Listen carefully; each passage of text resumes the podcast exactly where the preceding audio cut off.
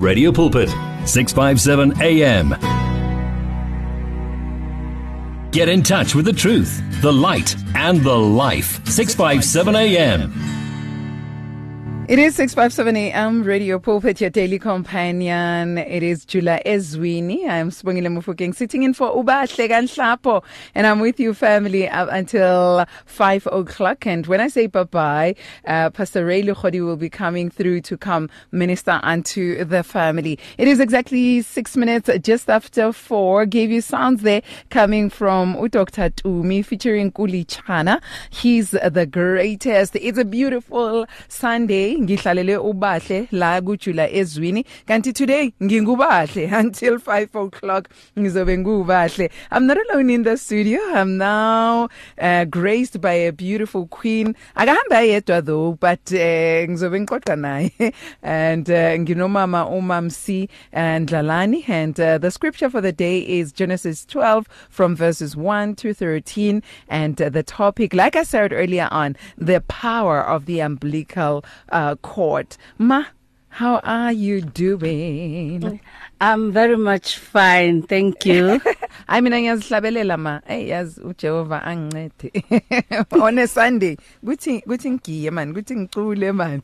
Kia man, kia man, it's time for that on Sunday. it's time to do that. Yes. ma awuhambi uyi1 uhamba nobani? Uhamba nobani? Awuhambi uyi1 uhamba nobani awuhambi uyi1 oh, ngihamba nentombazana yami la Oh. unomthandazo. Ah, ngithi ngithi mangivula is- isicapha ngimbona ngithi ha ninjani uyithobile nje Oh, down to earth this yeah one. ma yeah. we talking on the book of Genesis 12 siqala ngo verse 1 siyo siyoze sifike le ku 13 and we talking about the um uh, uh, um the power of the umbilical cord Oh yes. What are we talking about kahle kahle masibheka uh, the power of the umbilical cord what are we talking about what are we talking about Eh ngibingelela ababi ababukeli. Yo ngithi ngithi ababukeli ngicabanga ukuthi ngiku TV. Ngibingelele ukhona aba. na ku TV e Facebook Oh yeah. Ah, oh ukhona. wow. That's great. That's great. Yes, Ngibingelela ma'am. bonke ababulekeli nabalaleli baka eh Radio Pulpit ngegama likaNkosi yethu Jesu Christ. Amen. mm. Yeah, uma mam sisizokhuluma ngepower of the umbilical cord. Mm. I umbilical cord sonke siyayazi ukuthi lehlanganisa umntwana nomama uma umntwana sesesiswini saka mama. asesesibelethweni Yes. Umntwana esesibelethweni umbilical cord isebenza umsebenzi o- o- oyi2. It's very powerful. Mainly it was made for one job, but sometimes it also performs the other job because i powerful i umbilical cord. Umsebenzi we umbilical cord kahle kahle ukuthatha igazi, nutrients and oxygen isithumele emntwaneni. yes Bese mase zifika ngale emntwaneni, iphinde futhi iclean. wonke udodo ophuma ngapha emntwaneni iwaste ephuma emntwaneni iyayithatha umbilical cord futhi iyikhiphe lo dot emntwaneni. So now it's powerful in the sense ukuthi it gives life. So without it umntwana ngeke azaphile because there'll be no oxygen no nutrients transferred emntwaneni. But also it can be dangerous. Because it can take life. So i-umbilical cord kahle kahle is the foundation yomuntu. Isiqalo imvelaphi yomuntu. Let's look at Christ and Mary. uJesu ehleli esibelethweni saka Maria he was fed by uMaria. Because kufanele ukuthi athole i-human body athole konke okwabantu okwasemhlabeni. You're right. Then it carried him throughout up until mase simbona seka sesiphambanweni because at a certain stage it has to be cut off. Mm. so uyafika esiphambanweni lithi iBhayibheli ubheka uMary uMary yambheka mm.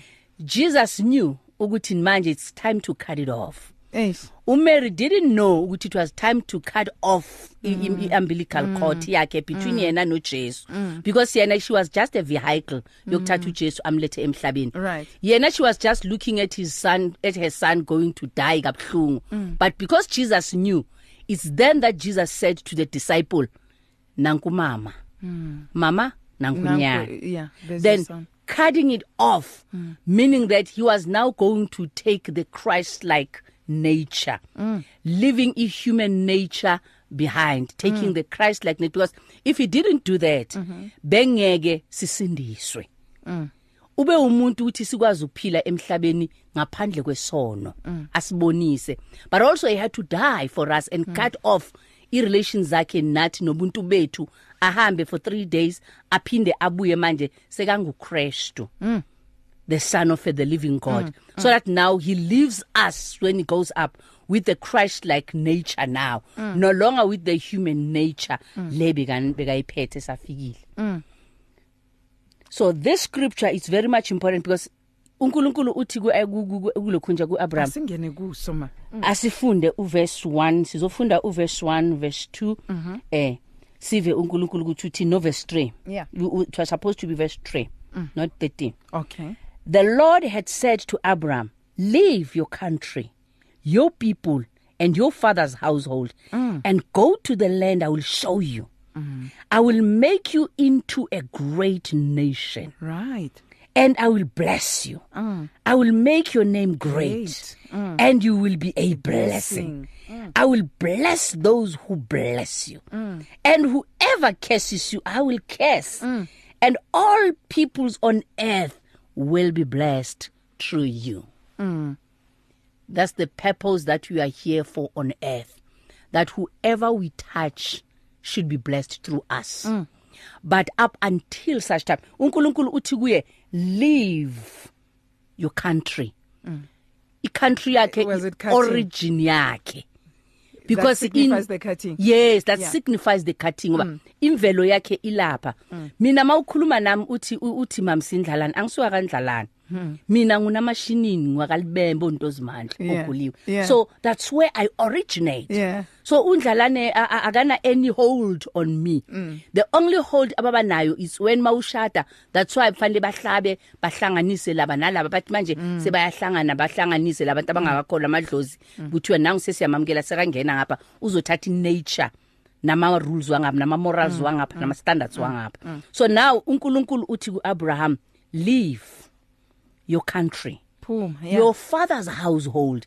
Because imvelo yakho ilapho. Uthi leave everything that he has you. This is just a shadow beyisikhombisa ukuthi when Christ comes mm. he's going to leave uze wangena ngomuntu. Ah. Bese makasaf maseka hamba ukuthi sisindiswe yeah. ukuthi sibe blessed. Naye he had to leave his father's he had house. to leave his father's house. Yeah. Uyabona? Yeah. uthi the the reason for me to want you to leave mm. i want to bless you mm.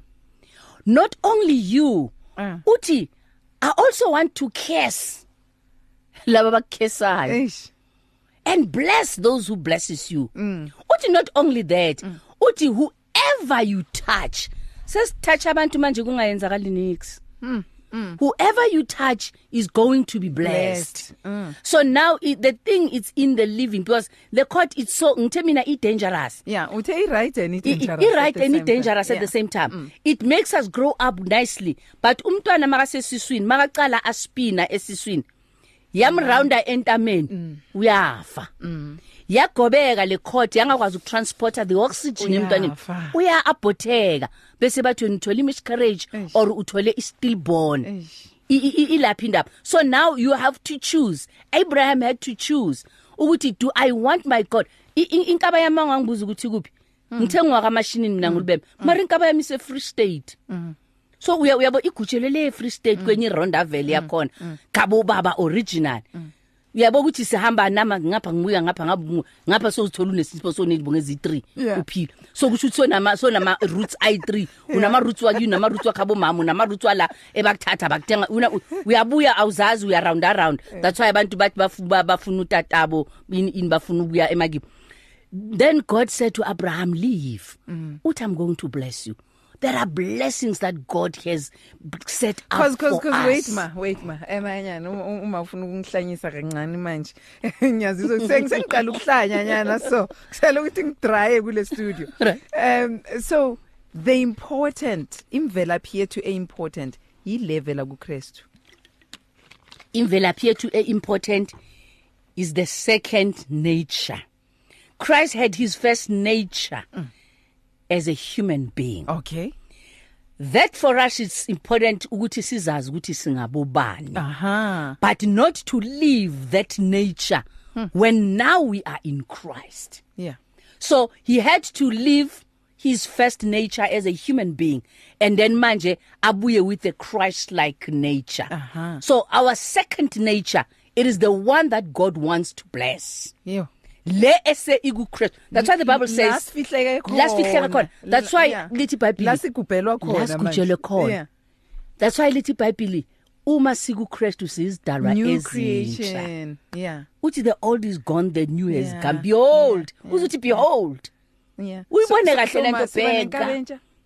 sithola inkaba entsha sithola uthi all is new. Yes. Sithola inkaba entsha. Mhm. sithola ioxygen entsha. Sithola igazi lika Jesu we get a new DNA eish. It's only nasesilapho whereby unumbers 23 23 athi khona sisathakatheki. Yeah. But singakangeni singakafiki lapho kulezi ezintsha. Noma yini izosiyenzakalela sife? Hayi ukuthi angeke basithakatha angeke basizame. Yes. Bazozama vele bona shem. Mm. But because of the blood of Christ and the DNA of Christ in mm. us mm. asisathakatheki mm. kula sesingena ku these blessings lezi uNkulunkulu azithembisa uAbraham. Yes.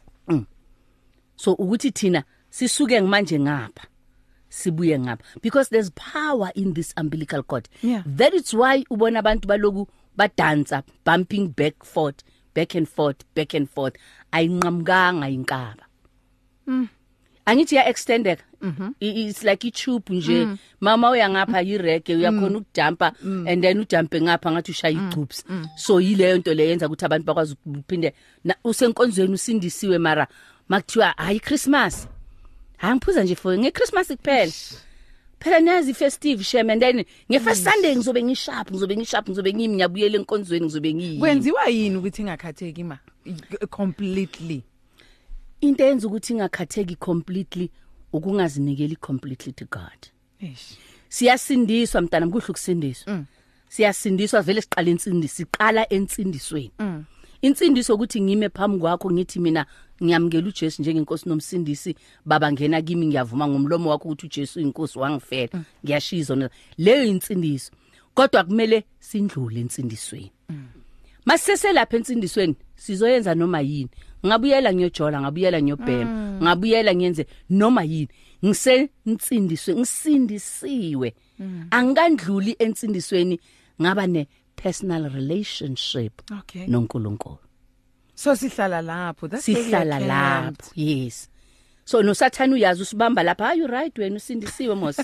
Yeah Oh yabo wena my, nje Lord ubuthanda have ukucula mercy nje. On us. njengoba uthanda ukucula uzocula Sunday kumnandi. After Sunday Mm. ah ucula so so omunye manje. Hawu omunye umuntu Yeah, manje so gqoke enye ingubo gqoke enye ingubo. After sunday. Sindisiwe ngisho manje le court isakudonsa ikubuyisela lapha. Phela khumbula ngapha kuku- kukunjani. It's another nature another culture eyakho khule una ukuthi utshwala buyaphuzwa ubujwala kuyajolwa. Kuyayenziwa noma yini yabona amanga yakhulunywa kuyatshontshwa I- i- Impilo it's another iyaqhubeka. nature. It's it's it's a human nature. Impilo iyachubeka na kuya noma ngisindisiwe ngiyakwazi ukuyobuza. Ngifaka intanjibunyana lana efikini angisho siya siyaziprotecta. Hayi impilo i- life goes on. Sundays long Sunday uthinta ithi iBhayibheli lakho uyabuya Jesu kimurena it's fine. Ah, eish. yes. Fanele sindlule insini that's why uNkulunkulu wathi kuAbraham phuma. Uthi phuma akazi nokuthi uyaphi uthi phuma Yini uzoya la yenza ukuthi ngizokukhombisa singa- khona? yini yenza ukuthi sihlale lapho singaphumi? Because had Abraham stayed then we wouldn't even know about the blessings ezikhona uh, that, that are, are coming to us via Abraham. Eh, yini yenza ukuthi singaphumi? I- i- into eyenza ukuthi singaphumi okokucala ukuthanda izinto. Sure. Okwesithu ukuba comfortable. Comfort zone. I-comfort zone siyayithanda. Yeah. And eh, kwesi3 ukujwayela izinto zenzakala kanje. Phela mangisuka ngapha ngiza kuNkulunkulu i have to live by faith. Yes. Ngapha ngiphila ngokubona. Yeah. Izinto ngiyazibona nazi kufanele ngiziphathe. Eish and izwi lithi lezi ezifihlekile yizo zeqiniso. Yizo zeqiniso. Lezi ezibonakala lezi ezibonakala temporary nje. Yeah, yeah. so thina sifuna lezi esizibonayo sizibambayo asifuni ukuzophila ngokukholwa asifuni ukuhamba ngokukholwa Sure.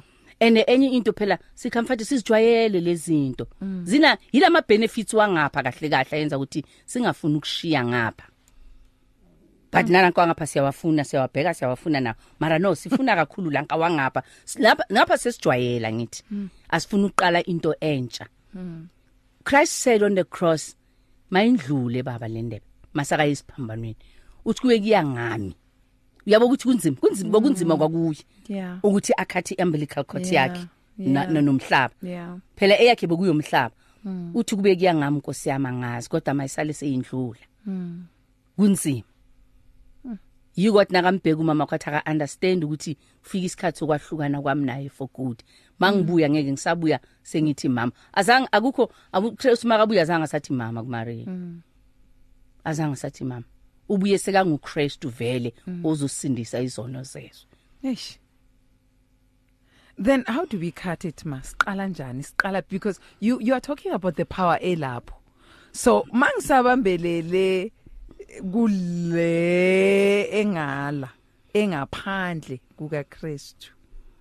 Ngisathanda ama benefits ahambisana nayo. Ngisa ngisajajuliswa inyama. iBhayibheli likhuluma ngokuthi they'll be lovers of themselves. Even nabathanda into efulfila nje inyama. Ma- makusenjalo. Kodwa ngiyalizwa izwi namhlanje lihlaba the the the the, the word is a two edged sword. Ayi liyahlaba namhlanje. Alidlali nathi. Eh eh, so mangilizwa lingihlaba likhuluma nami namhlanje. Ngiqala njani? Ngikhatha njani le umbilical cord? Very simple. uAbraham had to say yes to God it's God's instruction. Ukuvuma. Sicala insindisweni step number 1 abanye sowusindisiwe. Mara kunzima ukusuka. Buyela kuNkulunkulu uthi mara baba namhlanje ngifuna ukuthi namhlanje ngenza intando yakho. Kahle kahle ukwenza intando kaNkulunkulu. Because abanye bahlupha nje ngalama umbilical cords wabo basendlini kaNkulunkulu. Kodwa abafuni ukulalela. Makaqala athi umfundisi eh eh mntanami nina nibancane nisithole la? Mm, mm, mm. Phela njengathi sasindiswa sina 13 19 ton ton nanifika nina nithi now we dance like this. No no no no no no no sicula icilongo mntanami. Sasishaya kanje lento yinto ezesimukisa ezulwini. The first step is to accept Christ as Lord and personal savior. Sizibuyisela kaningi uNkulunkulu. Ukuthi ngasindiswa kudala akunginiki guarantee ukuthi ngizongena ezulwini. Yeah. Siyazihlambulula kuNkulunkulu. Uma sesizihlambululile sifuna intando yakhe. Insuku zonke? Ngaso Malanga wonke? sonke isikhathi malanga onke. Ekufuneni intando kaNkulunkulu kubhlungu ke because kunezinto esizithandayo ekuzomela ukuthi sihlukane nazo. Yazi le futhi imnandi ka because you ask the holy spirit first to fill you. Once you are filled by the spirit of god uzoyiva nje into ukuthi inkosi yami le eh mara kusiwe yes eish eish eish eish eish. Banokuthi ekhaya bathi hayi sesimams hayi man into solo le i right for wena i right i right for wena. Ngithi mina eish ng- a- a- angizwa. I, I, I don't feel it but oh uqalile ke uqalile uJesu uqalile uqalile usayifanele ayizwe kuqala ngithi it's true. Umoya ongcwele will tell you ukuthi this is wrong. Ungasayi lapha. Ungasa mawuthi yaphuza utshwala bakho bumnandi shem uve nje ungasabhaleli. Yeah. So sibuya sivuma kuNkulunkulu bese sifuna intando kaNkulunkulu. Okay.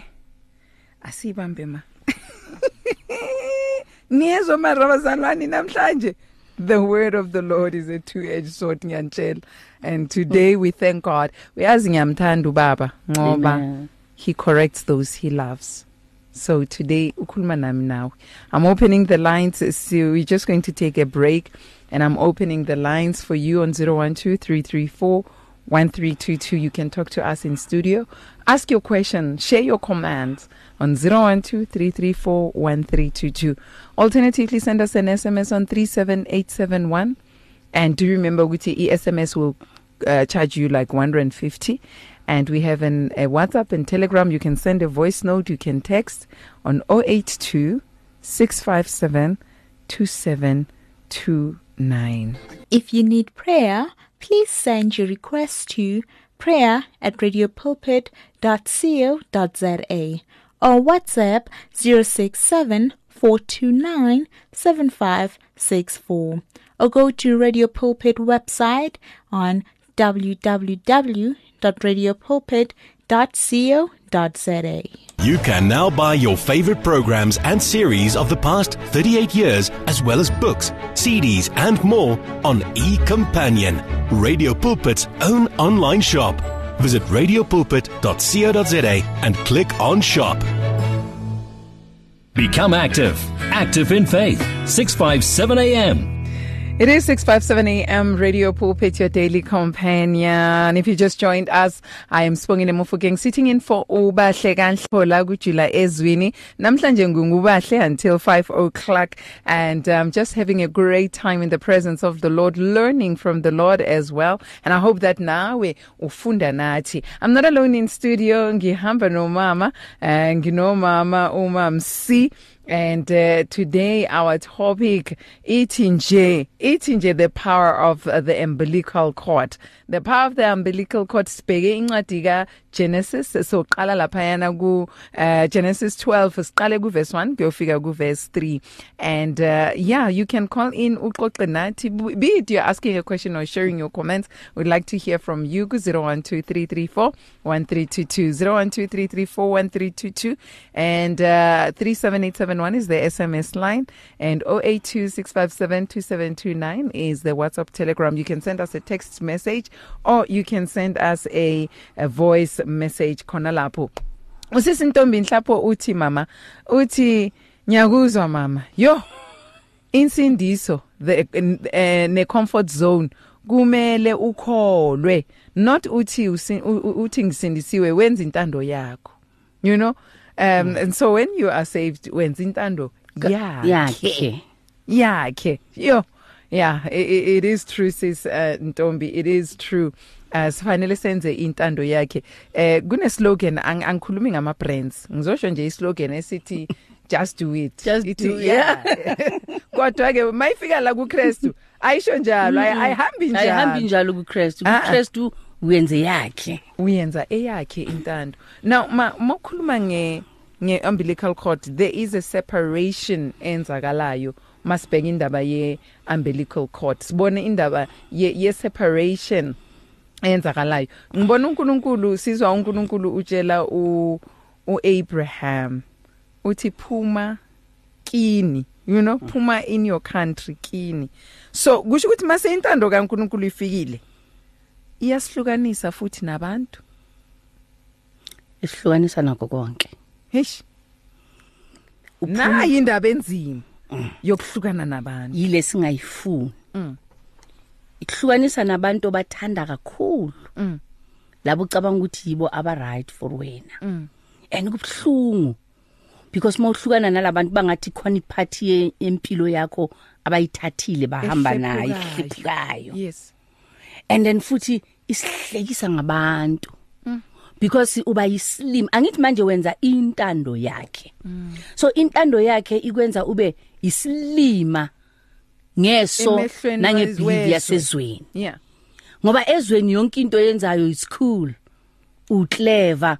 If you do it like this it's fine. If unama boyfriend ayi4 ayi wena son slam if unama girlfriend ayi5 eish yeah that's it uyindoda. Uyabona but then mayifika iyakuhlukanisa with such people. Mm. and then bese iyakutshela ukuthi this it's wrong. So kula ipain icala khona. Kubhlungu ukuhlukana nabantu bathandayo uhamba nabendleleni Yes. kubhlungu Yes. because uthi so noma sowuhlelo uyi1 sometimes some people you are benefiting from them. Bobona ukuthi eish lo at least bathi kunabo minister of finance kunama minister of transport. So mhlambe this one was minister of transport bowazi ukuthi anytime you'd call and then you'd get transport. Then mawudinga imali udinga weave you'll call this one and then imali gogogogogo izovela izingenele ebusuku. But now when the word of god says you leave lithi kuAbraham Eh, hlukana, phuma. lithi your father's household. Ukhulele lapho uvelele lapho yonke into yalapho uyayazi Ubabanye wazama lo muntu. angangena endlini acimezile azi ukuthi khona ilinye nelinye li ubabakhe lo. So that is why sometimes ukuhlukana mangabe angeke ukhone ukuzenzela kuyenzeka ukuthi uNkulunkulu enze ukuthi bakuhlukanise. Njengo Joseph uJoseph bamkhatha yeni umbilical cord yakhe wakhatha Obhuti bafowabo wabo. yes. Wayebona uNkulunkulu ukuthi nom ngiyabona ukuthi mhlambe kuhambeni kwendlela ngeke ayibone. Azafike la siya khona. So ithi ngenza indlela ukuthi mabamhethe labantu laba. So that izobusuka lento ubona abantu bakujikele nje sithubeni soyathakatha. Abantu bakujikela nje sithubeni abasahambi nawe wena awusasi right for ubona uNkulunkulu yenza ukuthi makube nendlela ukuthi kungahlaleki. ku- ku- kungahlaleki kumoshakale nje uzihlala uzibuze wedwa kanti baba kuyenzakalani kwami? Mina ngikukhonza kangaka ngikuthanda kangaka. uyobona sowungale ukuthi God helped me bekufanele ngindlule lapha. Ma ukhulume nge- ngenye igroup yabantu khulume ngathi makholwa. Esimthethe njengenkosi nomsindisi sami. Hey si- si- sikhuluma nangelimi yeah. Ebandleni and Hmm. all of that. Kodwa ke s- sithole senza sizithole senza izinto ezingamele sizenze njengabazalwane. Ushilo mawathi eh abanye basindisiwe bama khona lapho. Mm. azange sakhula and allow the lord to grow us. Mm. kodwa ke ma uphi unembeza makwenzakala lokho konke? Uthini unembeza? Lo nembeza lo akusinguye umoya incele okhuluma nathi? Umoya ongcwele siyamcaphukisa. Babhile khona ukuthi likhona la khona siyamcaphukisa kwesinye isikhathi umoya ongcwele. And eh, abanye abantu bagcina insindisweni bangamamukela ngomoya ongcwele. Abanye bafikile bamamukela umoya ongcwele but bayamsuppressa uyayazi lento ukuthi wrong? Uyayifila lento ukuthi wrong? But you want to conform. Because of peer pressure. Namfanele ngibuye ngireport into efana nale bayenzayo. Because if angireport into efana nale bayenzayo yimphela isiphukuphuku uyabona so ngcono ngisale nami uyamsuppressa esabathe uyakuhlokoloza hey uyamsuppressa umoya ongcwele. So now fanele kufika isikhathi where you say lord renew. Repent, man. i repent. Yeah. Renew. Uthi uDa- uDavid wakwenza lokhu naye? That's why athi restore unto me the the joy of your of salvation. asiba And- the net platform and renew the right spirit within me. yazi ukuthi umafanele isho leyo hello to you family. Njani sikonile? sikhona ma ninjani nina? Hello ma? Ah angazi kwenzakalani zama futhi ma ukufona futhi ungene futhi. Angazi kwenzekeleni lapho. Eh zama futhi sibuyele eh siqoqe nawe futhi futhi on uh, the line. Ma you were still saying uDavida washo wathi renew the right spirit, Spirit within me. eh. Because wayesazi ispirit kaNkuluNkulu ukuthi uma sikhona empilweni yakhe ilife yakhe it's different. Mm. he would feel god he would be able to stand enemies he would be able to do things ebengeka kwazi ukuzenza uma umoya ongcwele ungekho so now he was feeling ukuthi manje ngathi sengiba kude noNkulunkulu sekayeva ukuthi manje man u- uyeva uke uve vele ukuthi no no no sekunento Ah, wrong right. ah nakusasiyimi man. I, said that sometimes early this year ngithi no no no no. angizange mina ke ke ke- ke sihlale sonke nje ku- kungabi nento eyenzakalayo azange mina ngithi ngihleli bese kuzozisa ngoma kimi singitshela ukuthi haye yazi yazi nga- nga- ngathi la- le inkinga zakho ngathi sezidinga amagandlela uze nangaphakathi U- u- uve nawe ukuthi kunentelwayo laphakathi Yeah. kunentelwayo then quickly i would go to god and say no father i think i need your touch once Okay. again Asithathe a family member on the line sibuye futhi kuwema. Hello to you family. Eh nkosazana, Babu babu Mwamba. kanimambo. Khani mambo baba. Eh incwadini kaJohana kahloko verse 12 futhi onke abamamukelayo wabapha amandla ukuthi babe babe ngabantwana bakaNkuluNkulu. Ah. mm.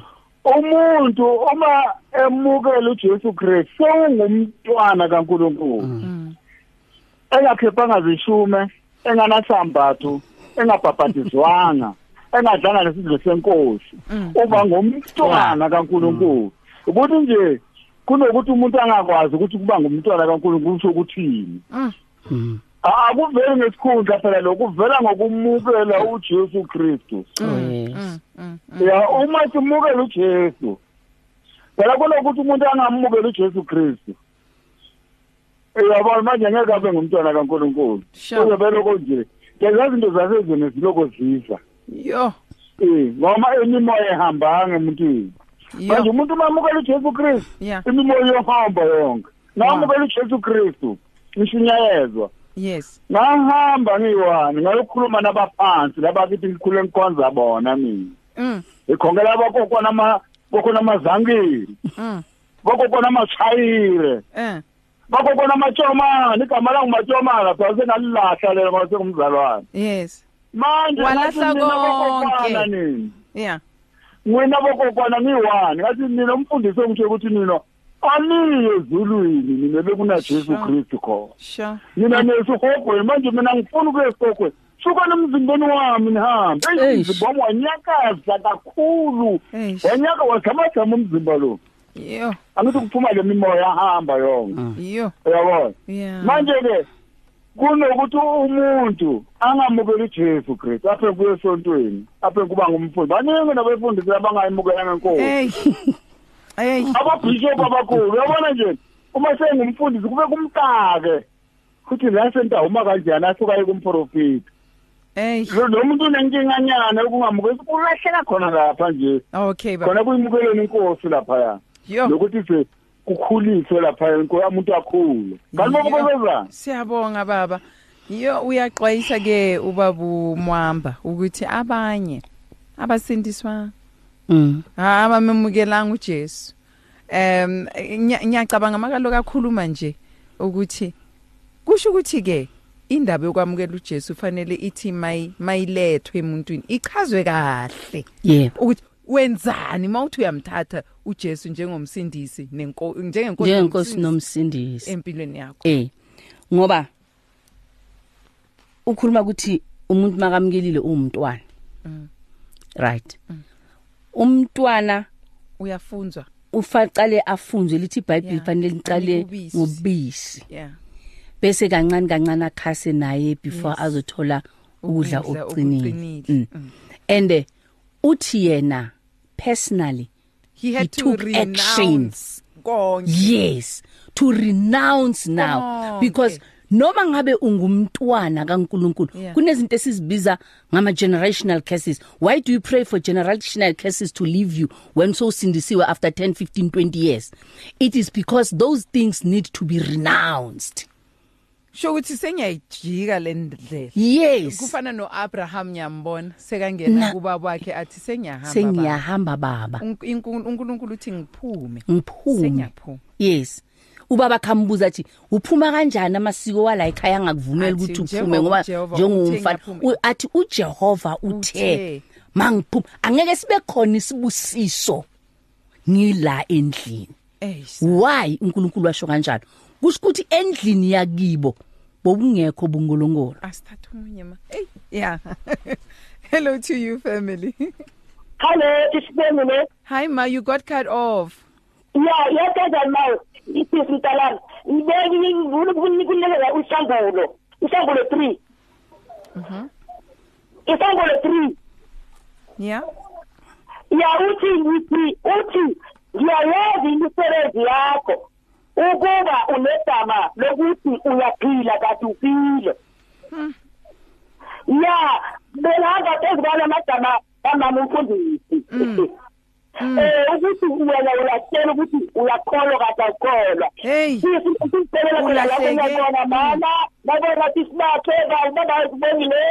Bye bye ma, bye bye. Yo yo yo uma ukhuluma ngesambulo 3 ukuthi abanye bethu bayahamba bacanga ukuthi kanti bona bayaphila kanti kanti abasaphili abaphili. Kade bashona. Ithi i know your works that you have na- a name that you are alive but you are you are dead. Dead hey so uphila u- ula njengoba ngishilo ngathi ipower yale umbilical cord iyaphilisa iyaphilisa iyabulala. Eish. i dangerous kakhulu. So that is why So fanele maso ufikile. you have to choose a side. There's no in between yeah. It's life or death. Mm. uJohn 10:10 would have come that they may have life in abundance, In but the thief have abundance. come to steal to, to kill, and, to destroy. destroy. yeah. So now you choose the life or death. But life and death it's in your tongue. So wena khetha ukuthi yikuphi okukhulumayo ngowakho umlomo yikuphi okufunayo kuNkulunkulu. So ula. Because uzohamba ulokuthi uyaphila. Weva uDavid uthi angisaphili.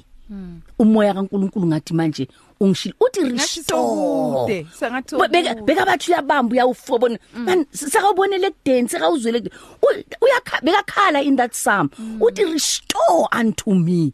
Akusana joy a- kulento engiyenzayo akusena joy. Uyayenza nje ngoba nakufanele uyenze mara uyabona man ukuthi hayi akunabu mnandi la. Bayacule ebumnandini la uzongithola khona lapho nawe uya round mara awuboni lobumnandi uthi lord restore unto me. The joy of your salvation. And renew the right spirit. Because kusho ukuthi sikhona esinye spirit esingekho right. So so ma, ma choose the wrong side of the umbilical cord. Uyohlangana nazo lezi ipiriti lezi. Uhlangana nalezi spirit Yeah. lezo. Uhamba that's why uphila ngathi awuphili a- a- a- a- a- ufile. Ngoba sokude ngoba uabothekile kahle kahle. Kwi kingdom kaNkuluNkulu wangena but you've been aborted. Before you could grow.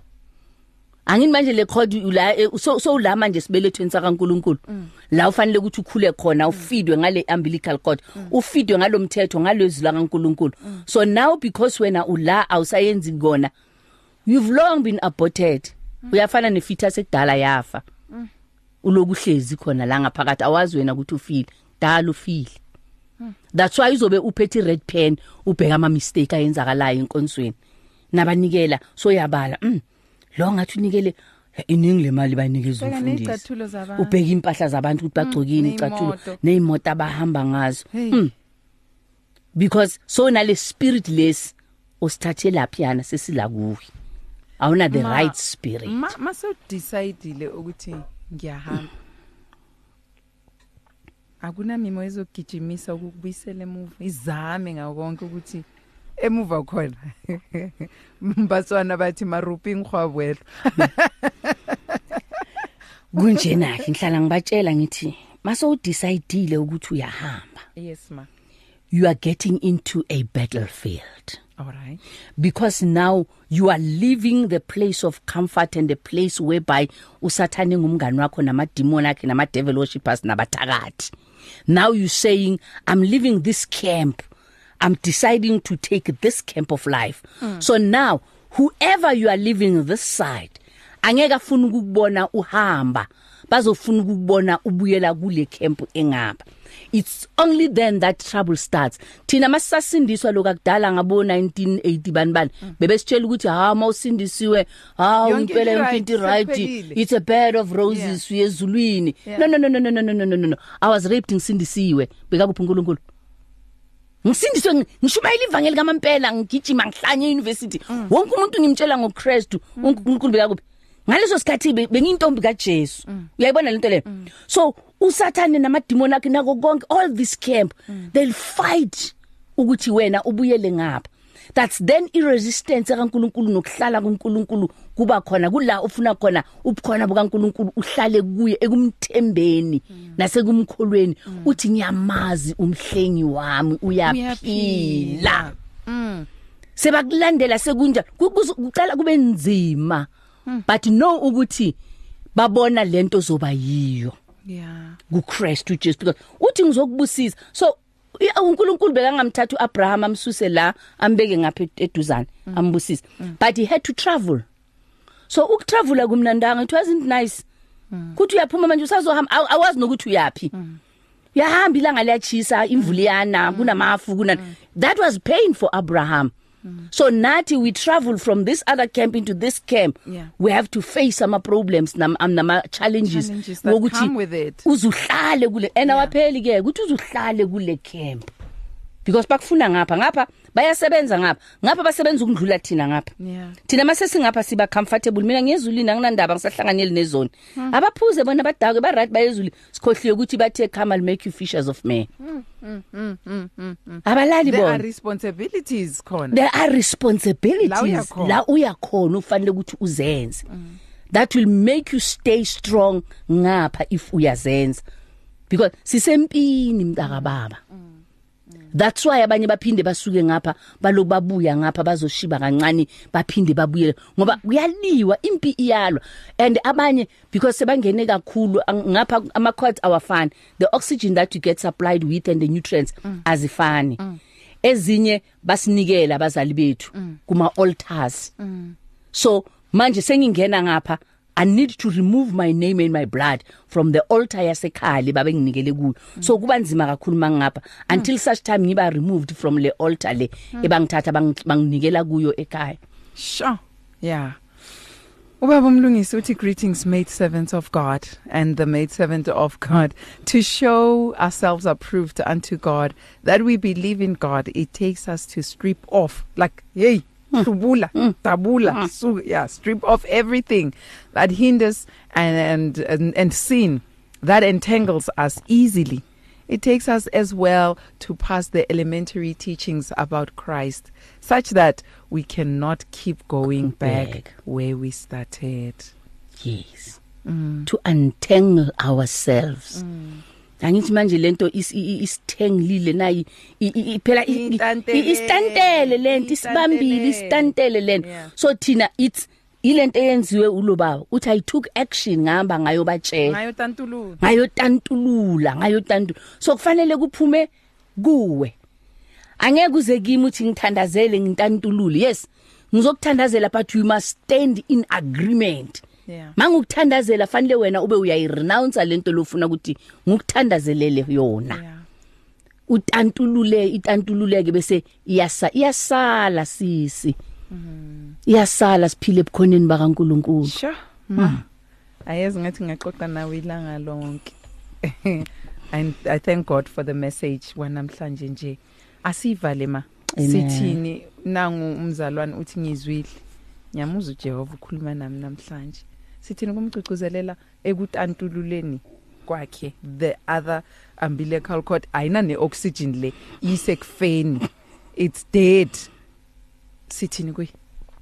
sithi Christ died for you and me Yeah. and he rose again any death that it's in you that it's in your spirit anything that has entangled you through Christ it can be entangled you can be revived you can come out of death and be alive again but only if you say yes to Christ and you say no to death zikhiphe zintantulule ima isibindi wamkela uJesu njengenkosi nomsi qina nje qina nje Yeah. Ma, thank you so much. May the Lord bless you. amen Ah, may the Lord keep you. May the Lord surround you. Um, and, uh, uh, you know, just keep you as you minister to God's people. Um, mabamuzwe bambone futhi nakuwe as, as, as He restores lives. For those who'd like to talk to you directly, how do they get hold of you? um available on WhatsApp 084 Right. 527 4015 I'm on Facebook as Mashinini Ndlalani Mamsi. I'm on Instagram and Twitter. My handle is at Ndlalani Mamsi. Uh yeah, they can WhatsApp, they can call. Um, I I just want us to take a moment and pray for the body of Christ. I think we have a minute or two that we can do so. For that one who says, ah, Today God came for me. This was for me. Eh, the message was for me futhi angicabangi abanye. Befanele izwe yimi. Oh, and ngiyabonga ukuthi uNkulunkulu did that this now kulesikhathi esihamba kuso. You know siphile enkathini zokugcina? Yes. lapho umuntu uhleka naye emini entambama uthole icingo lithi akasekho lo muntu. Yeah. Um but we thank God. Who gives us second chances Second and chance third and- chances and fourth chances and all of that Ah, that's what my sister kept on saying. Sisi Sindis, what sakuphe second, what was anginika the fourth, the fifth, the sixth and the seventh. On her deathbed just before she could pass on. She said ningasabizi ambulance call my sister. Yes. I said let's take athi ngiyahamba let's accept Christ. Yeah. That one found favor with God. amen Yeah. can we take it to the Lord in prayer ma in a minute or two? Baba ingcwele sengosi yethu Jesu. baba uNkulunkulu namanje ntambama. We come before the presence of God submitting all the listeners before the throne of grace. I pray heavenly father your blessing abound upon their lives. Supernatural wisdom upon them. Cela bagcine uNkulunkulu namandla onke. Cela ubenzele umusa esikhathini sonke. Baba bangabantwana bakho. Baba balalele izwi lakho. Namhlanje ntambama let it make a difference in their lives. I pray heavenly father that whoever heard your word whoever wants to entangle themselves from the whatever the cord has entangled them i pray heavenly father ukuthi uyabamela uyabasusa. Ngiyazi uNkulunkulu khona abahlaselwe uNkulunkulu namandla onke because abasakhona ukusuka labakhona i speak the blood of Jesus. I speak your favor over their lives. I speak your protection over their lives. In Jesus mighty name. Father, bless them and protect them. Father, see them through and be their God. Let your blessings and glory and grace be upon them. See them through, Heavenly Father, in Jesus' mighty name. Father, we thank you for those who are sick right now. We know that there's a power of healing that's coming over their lives right now. In the mighty name of Jesus. They are healed in Jesus' name. Lord, we thank you. We bless you. We give all the honor and glory. We pray for this station of God. It's 40 years. I pray, God, that you sustain it for more years to come in the mighty name of Jesus. Thank you, Lord. Bless us, oh God, in every aspect of our life, now and forevermore. Amen. And amen. Thank you so much, Ma. May the Lord keep you. May He bless you. May He make His face shine upon you. May He be gracious to you. And may He give you His peace in all that you do. Siyabonga kakhulu. Siyabonga kakhulu. We love you. What a message. Amen. a blessed one to you and your daughter. Amen. Ah, family, I am I am I am blessed of the Lord and I hope that uh, now we're 40 today you have been blessed and I'm signing out. Next up is Pastor Ray Lechodi. Please enjoy the rest of the day and may the grace of our Lord Jesus Christ, the love of God and the sweet fellowship of the Lord Holy Spirit rest and abide with you now and forevermore. In Jesus mighty name. Amen and amen. It's difficult to face the overwhelming pressures of life alone. Sometimes we just need someone to talk to, someone to listen to us. And what better way to do that than through a quick and easy WhatsApp text? Whether you're having a hard time coping with school, family issues, being bullied, depression, or anxiety, speak to someone who cares today. Send a WhatsApp message to 064 530 6805 or 074 995 9085. Our I Am Youth Counseling team, Charles DeToy and Danny Vambili, are ready to connect with you today. Many people across South Africa are being blessed and encouraged by the Radio Pulpit devotional magazine, The Word for Today. This publication places the gospel of Jesus Christ in the hands of more than 100,000 people every day, inspiring every person, from the professional businessman to the needy person who lives on the streets. Each edition contains daily scripture based devotionals and inspiring articles to help you grow spiritually. The booklet is given with the compliments of Radio Pulpit, but your donation, large or small, will help us to print the next edition and continue being the hope of the gospel to a world in desperate need. The word for today. Get yours today on 012 334 1200 or subscribe online at www.radiopulpit.co.za. Radio Pulpit, your daily companion. You and 657 AM and life, a winning team on the road to eternity.